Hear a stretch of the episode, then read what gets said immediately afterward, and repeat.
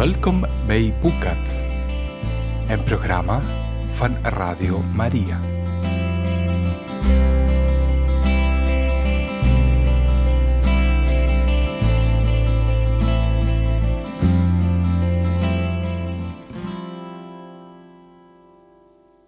Welkom, beste luisteraars. We lezen verder uit het boek De Leeuw, de Heks en de Kleerkast, een boek uit de reeks boeken dat de titel dragen De Chronieken van Narnia, geschreven door C.S. Lewis. De Chronieken van Narnia, geschreven door C.S. Lewis en vertaald door Madeleine van den Bovenkamp Gordeau en uitgegeven door uitgeverij Kok in Kampen. Boek 2 De Leeuw, de Heks en de Kleerkast. Hoofdstuk 3 Lucie holde de lege kamer uit, de gang in en daar vond ze de andere. Er is niets aan de hand hoor, zei ze nog eens. Ik ben er weer. Waar heb je het in vredesnaam over, Lucie? vroeg Suzanne. Hoezo? zei Lucie stom verbaasd. Vroegen jullie je dan niet af waar ik zat? Oh, je had je zeker voor ons verstopt, zei Peter. Die arme Luus, ze verstopt zich en er is geen mens die haar mist. Maar als je wilt dat de mensen je gaan zoeken, zul je wel eerst een tijdje weg moeten blijven. Maar ik ben uren weg geweest, zei Lucie. De anderen keken elkaar allemaal verwonderd aan. Getikt, zei Edmund, en hij wees op zijn voorhoofd. Die is volkomen getikt. Wat bedoel je precies, Luus? vroeg Peter. Wat ik al zei, antwoordde Lucie. Toen ik die kleerkast binnenging, hadden we net ontbeten. En daarna ben ik uren weg geweest en heb ik avondeten gehad. En is er van alles en nog wat gebeurd? Stel je niet aan, Lucie, zei Suzanne. We zijn zelf zojuist uit die kamer gekomen en toen we daar waren, was jij er nog bij. Ze stelt zich helemaal niet aan, zei Peter. Ze verzint gewoon een leuk avontuur voor ons, hè, Luus? Dat mag toch best? Nee, Peter, dat heb ik niet verzonnen, zei ze. Die kleerkast is... Die is betoverd. Er groeit een bos in en het sneeuwt daarbinnen. En er woont een faun in en een heks. En het heet daar Narnia. Kom maar eens mee, dan kun je het zien. De anderen wisten niet wat ze ervan moesten denken, maar Lucie deed zo opgewonden dat ze met z'n allen weer met haar mee teruggingen de lege kamer in. Lucie zelf liep snel vooruit, gooide de deur van de kleerkast wijd open en riep: Kijk, ga maar eens naar binnen, dan zul je het zelf zien. Suzanne stak haar hoofd naar binnen en duwde de bontjassen opzij. Wel nee, Sophie, zei ze, het is een doodgewone kleerkast, kijk maar, daar heb je de achterkant al. Ze keken allemaal naar binnen en duwden de jassen aan de kant en toen zagen ze allemaal, ook Lucie zelf, een heel gewone kleerkast, zonder bos erin en zonder sneeuw. Er zat een achterwand in met haken eraan. Peter stapte naar binnen en klopte er met zijn knokkels tegen om te voelen of hij echt gewoon van hout was. Je hebt ons mooi voor de gek gehouden, Luus, zei hij, terwijl hij weer naar buiten stapte. Ik moet eerlijk zeggen dat we erin getrapt zijn. We geloofden het bijna. Maar ik probeer jullie helemaal niet voor de gek te houden, zei Lucie. Echt eerlijk, waar niet? Daarnet zag het er allemaal nog heel anders uit. Eerlijk, heel anders. Echt waar. Kom, Luus, zei Peter, nu moet je niet overdrijven. Het was een leuk geintje, maar nu moet je eens ophouden. Lucie kreeg een kleur als vuur en probeerde nog iets terug te zeggen, al wist ze zelf eigenlijk niet goed wat ze had willen zeggen. Toen barstte ze in tranen uit. In de dagen die volgden voelde ze zich diep ongelukkig. Ze had het natuurlijk heel gemakkelijk weer goed kunnen maken met de anderen, als ze zichzelf er maar toe had kunnen dwingen om tegen hen te zeggen dat het hele verhaal een grapje was en dat ze het allemaal had verzonnen. Maar Lucie wilde niet oneerlijk zijn en ze wist zeker dat ze gelijk had. Daarom kon ze het niet echt opbrengen om dat te zeggen. Ze vond het erg naar dat de anderen dachten dat ze had staan liegen en dat ze het bovendien nog een onzinnig verhaal vonden ook. De oudste twee hadden daar geen erg in, die bedoelden het niet zo kwaad, maar Edmund kon echt treiteren en in dit geval deed hij dat. Hij hield haar voor de gek en maakte haar belachelijk en hij vroeg telkens weer of ze nog nieuwe landen had ontdekt in een van de kasten. Er waren er genoeg in huis. Wat het allemaal nog akeliger maakte was dat het juist heerlijke dagen hadden kunnen zijn. Het was mooi weer En ze waren van ochtends vroeg tot avonds laat buiten. Ze zwommen, gingen vissen, klommen in bomen of lagen zomaar wat te luieren in de hei. Maar Lucie kon nergens echt van genieten. En zo ging het door totdat het op een dag weer regende.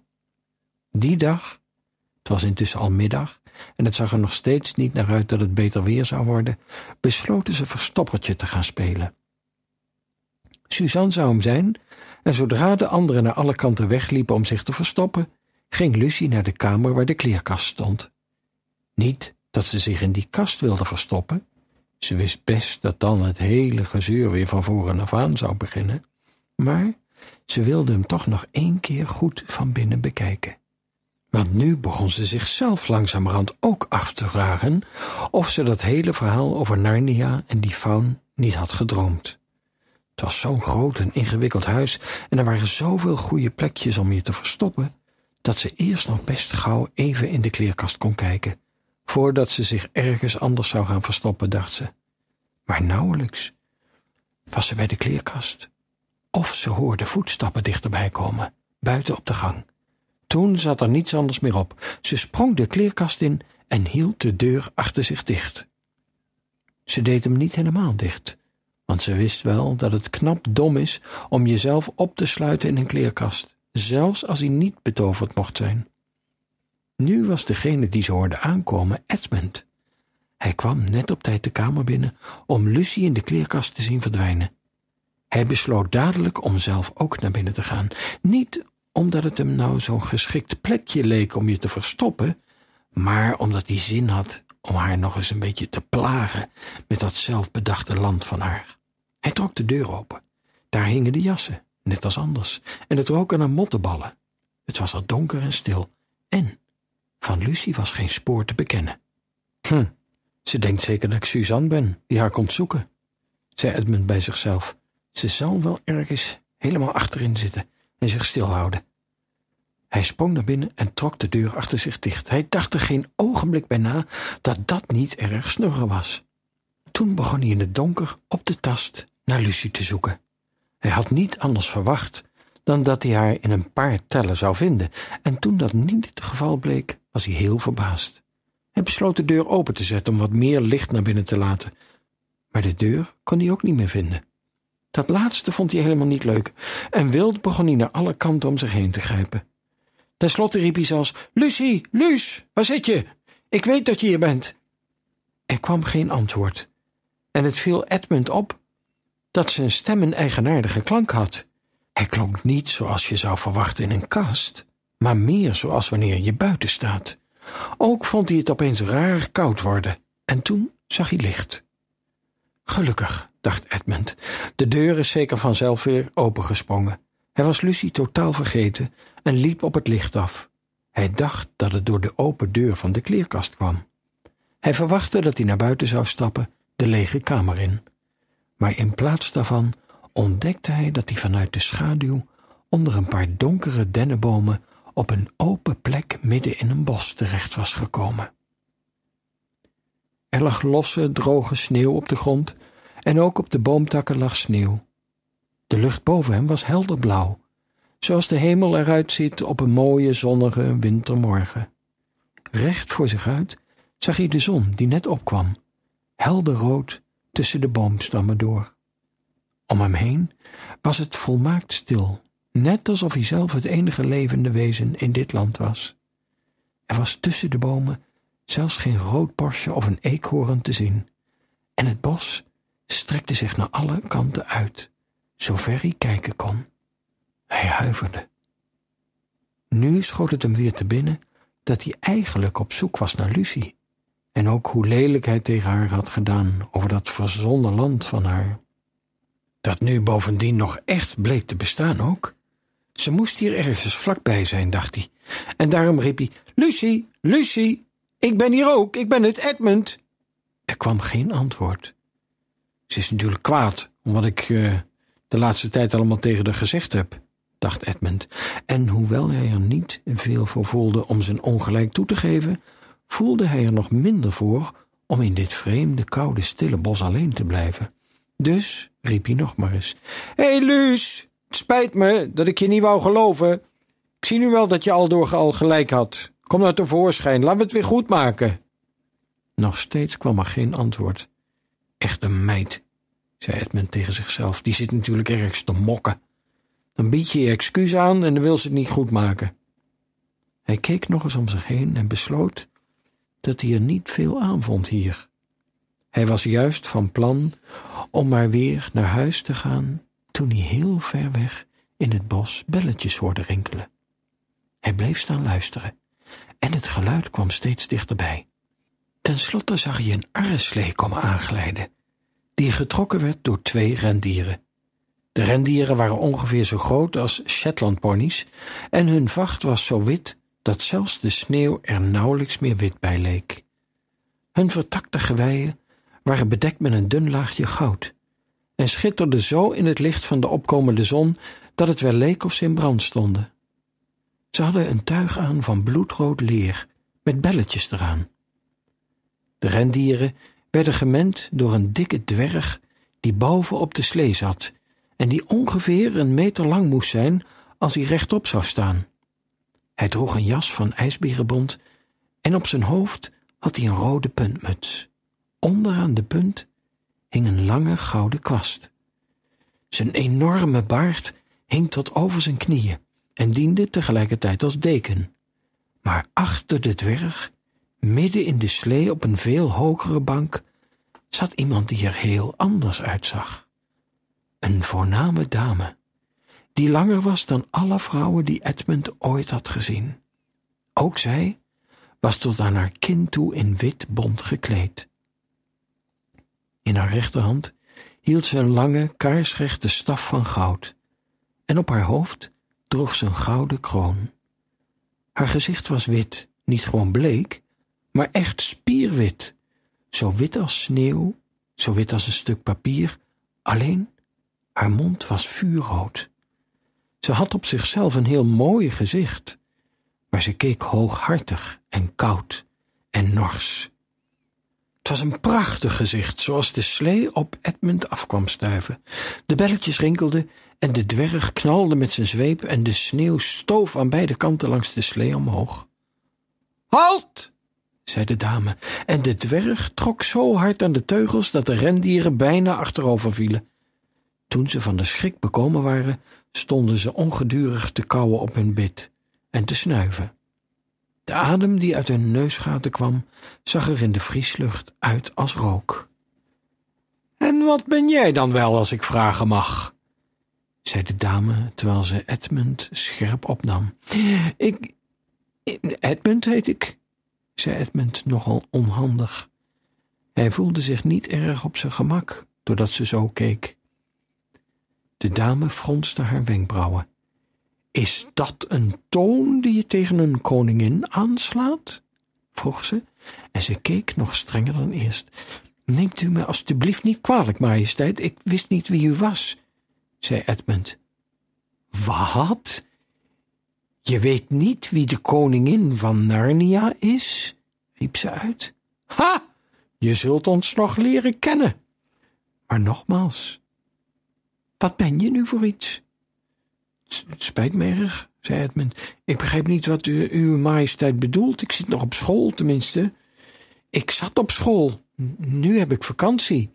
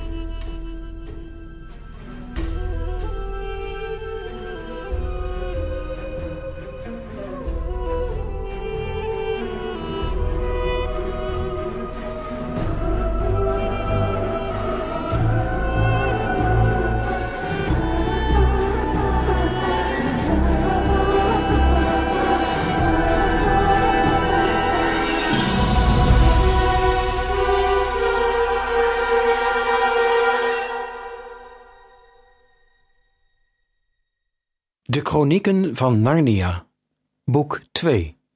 De leeuw, de heks en de kleerkast. Hoofdstuk 4. Maar wat ben je nu precies? zei de koningin nog eens. Een uit zijn krachten gegroeide dwerg die zijn baard afgeknipt heeft? Nee, majesteit, zei Edmund. Ik heb nog geen baard. Ik ben nog maar een jongen. Een jongen? Riep ze uit. Bedoel je dat jij een zoon van Adam bent? Edmund keek naar de grond en zweeg. Hij snapte er zo langzamerhand niets meer van. Hij begreep niet wat ze van hem wilde weten.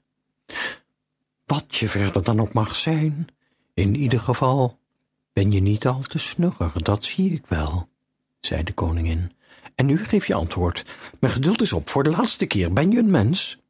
Ja, majesteit, zei Edmund. En hoe komt het dat je je hier in mijn rijk bevindt, als ik vragen mag? Neem me niet kwalijk, majesteit, ik ben door een kleerkast naar binnen gekomen. Een kleerkast? Wat bedoel je? Ik deed een deur open en toen was ik ineens hier, majesteit, zei Edmund.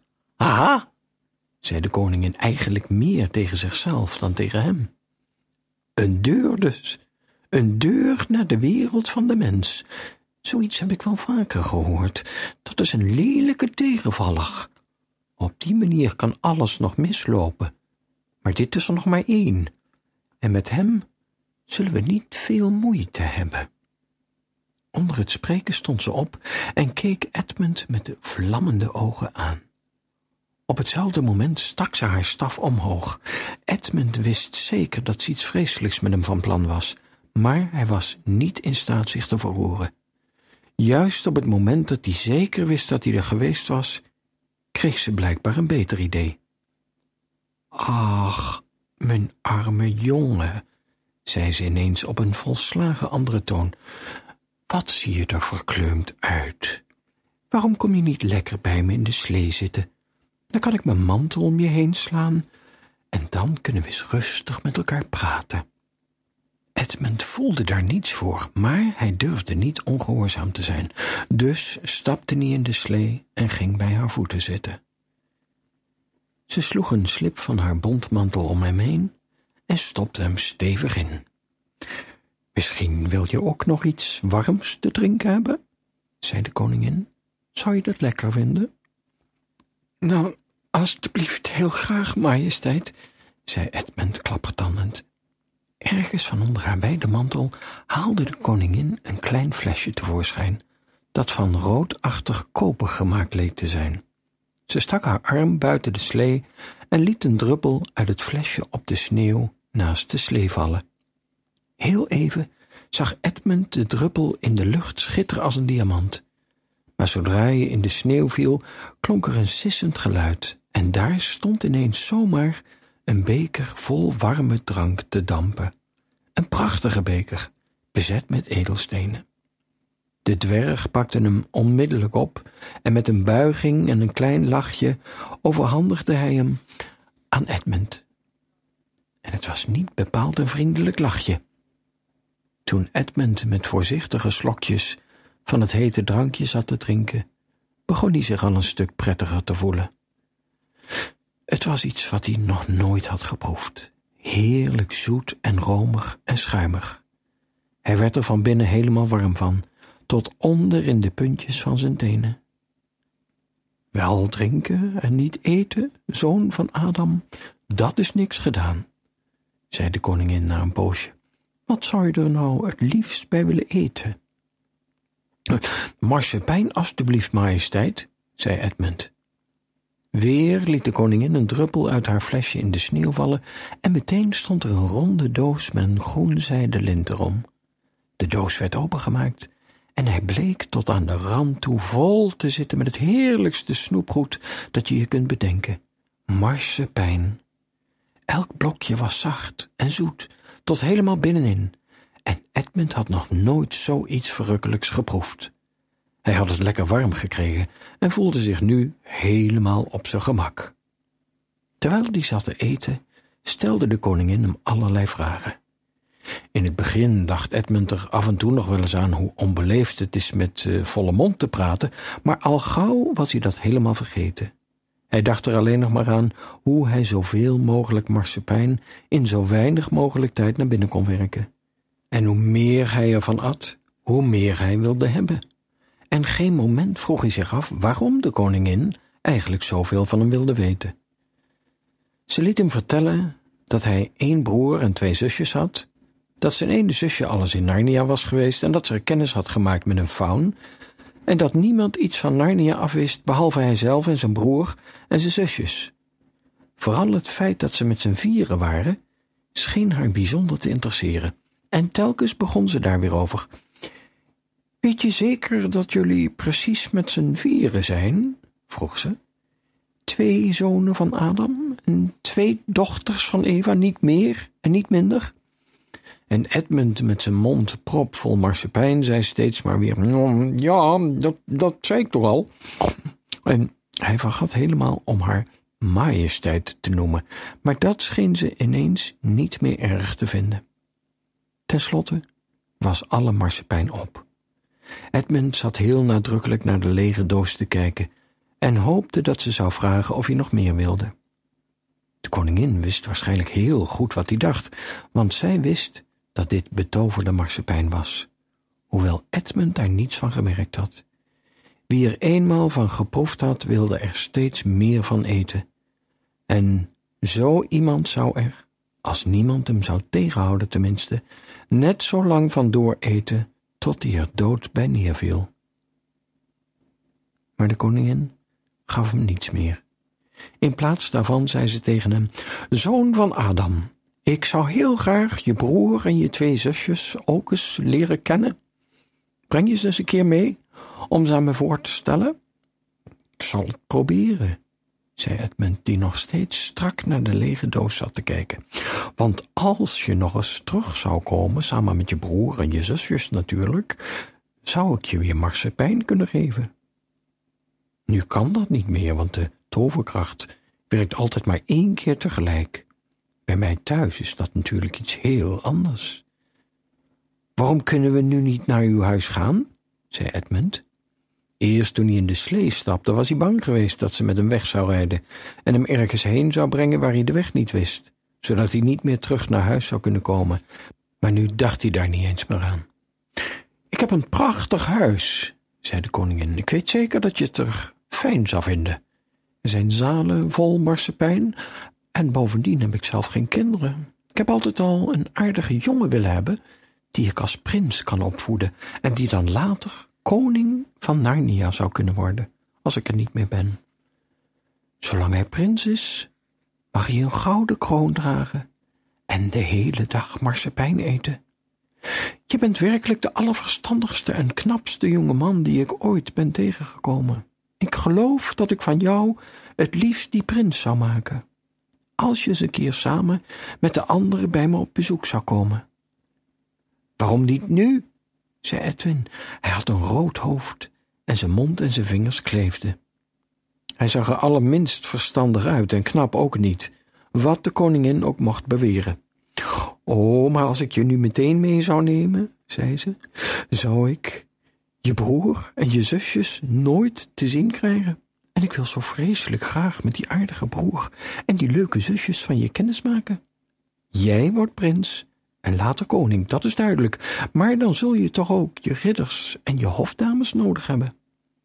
Ik zou je broer wel hertog kunnen maken en je zusjes hertogin. Ach, zo bijzonder zijn ze anders echt niet hoor, zei Edmund. En trouwens, ik zou ze toch altijd nog eens op een andere keer mee kunnen brengen. Oh, maar als je eenmaal bij mij in huis woont, zei de koningin, zou je ze wel eens totaal kunnen vergeten?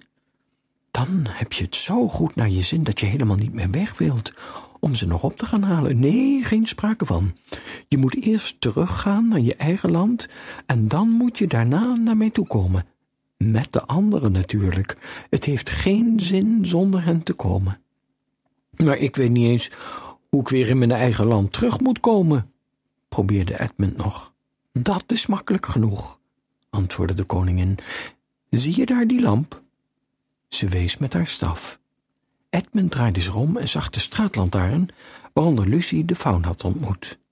Als je die voorbij bent, is het gewoon rechtdoor naar de wereld van de mens. En als je nu even de andere kant op kijkt, hierbij wees ze in tegenovergestelde richting, vertel me dan eens of je daar in de verte twee heuvels boven de bomen ziet uitsteken. Ik geloof het wel, zei Edmund. Nou, tussen die heuvels in staat mijn huis.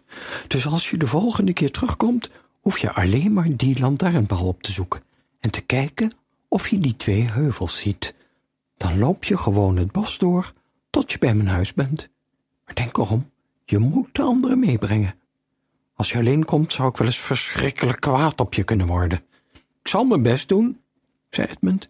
En, tussen twee haakjes, zei de koningin, je hoeft ze nog niets over mij te vertellen. Het zou veel leuker zijn als we het geheim hielden. Iets wat alleen wij tweeën weten. Vind je ook niet? Dan is het een verrassing voor ze.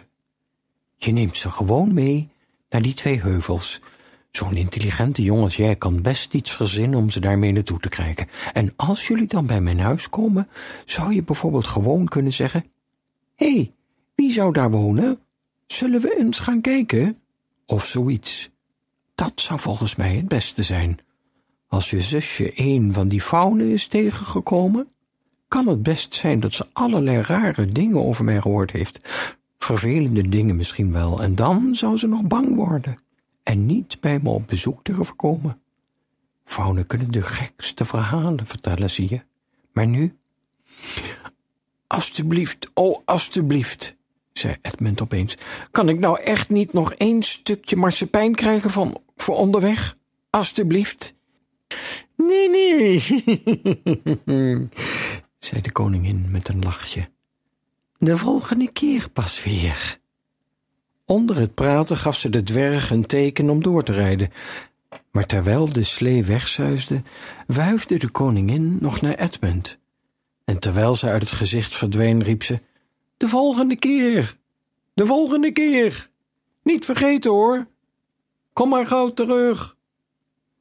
Edmund stond de slee nog na te staren toen hij iemand zijn naam hoorde roepen.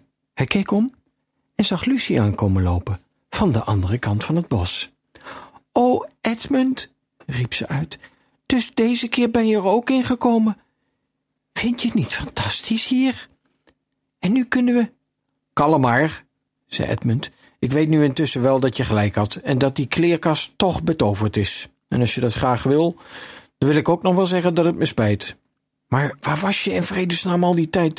Ik heb je overal gezocht. Als ik geweten had dat je er ook ingekomen was, had ik wel even op je gewacht, zei Lucie. Ze voelde zich zo gelukkig en opgewonden dat ze helemaal niet merkte hoe onvriendelijk Edmund deed en hoe rood zijn hoofd was en hoe vreemd hij keek. Ik heb vanmiddag bij meneer Tumnus gegeten, die aardige faun, en het ging heel goed met hem. De witte heks heeft hem niks gedaan, al heeft hij me toen weer laten gaan, dus hij denkt dat ze er wel niet achter gekomen zal zijn en misschien loopt alles nu toch nog goed af. De witte heks, zei Edmund. Wie is dat? Dat is een afschuwelijk mens, zei Lucie. Ze doet alsof ze koningin van Narnia is, hoewel ze helemaal geen recht heeft om koningin te zijn. En alle faunen en driaden en najaden en de dwergen en de dieren, de goeie in elk geval, hebben een vreselijke hekel aan haar. Ze kan je zo in steen veranderen. En allerlei verschrikkelijke dingen doet ze.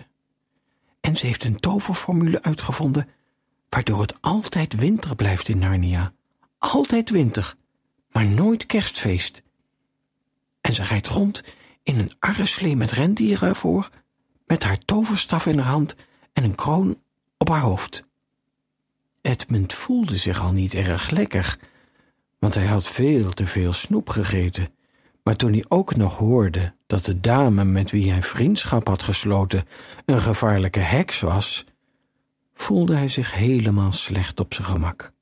Maar het liefst van alles op de wereld wilde hij nog steeds de smaak van die marsepein weer in zijn mond proeven. Wie heeft je dat allemaal verteld over die witte heks? vroeg hij. Meneer Tummus, die faun. zei Lucie. Ach, kom, je moet niet alles geloven wat zo'n faun zegt, zei Edmund, net alsof hij daar veel meer verstand van had dan Lucie. Wie zegt dat? vroeg Lucie. Dan weet toch iedereen, zei Edmund. Vraag maar aan wie je maar wilt. Maar zeg, ik vind er niks aan om hier in de sneeuw te blijven staan. Zullen we eens naar huis gaan? Ja, goed, zei Lucie. Oh, Edmund, wat ben ik toch blij dat je hier nu ook binnen bent geweest. Nu zijn we er allebei geweest. En ja, nu moeten de anderen ook wel in Narnia geloven. Wat zal het dan leuk worden? Maar Edmund bedacht heimelijk dat het voor hem lang zo leuk niet zou worden als voor haar, want dan zou hij ook tegenover de anderen moeten toegeven dat Lucie gelijk had gehad. En bovendien wist hij wel zeker dat de anderen dan allemaal meteen de kant van de dieren en de faune zouden kiezen. Maar hij zelf had al voor meer dan de helft voor de heks gekozen. Hij wist niet wat hij straks moest zeggen en hoe hij zijn geheim moest bewaren als ze eenmaal met z'n allen over Narnia aan het praten zouden raken. Intussen hadden ze al een flink eind gelopen. Ineens voelden ze dat ze weer tussen de jassen doorliepen en niet meer tussen de boomtakken. En het volgende moment stonden ze allebei buiten de kleerkast in de lege kamer. Hé, hey, Edmund, zei Lucie, wat zie je er beroerd uit, zeg? Voel je je niet lekker? Ik voel me prima, zei Edmund, maar dat was verre van waar. Hij was vreselijk misselijk. Kom op dan, zei Lucie. Ga je mee de anderen opzoeken? Wat zullen we nu fantastische avonturen gaan beleven, nu we er met z'n allen heen kunnen gaan?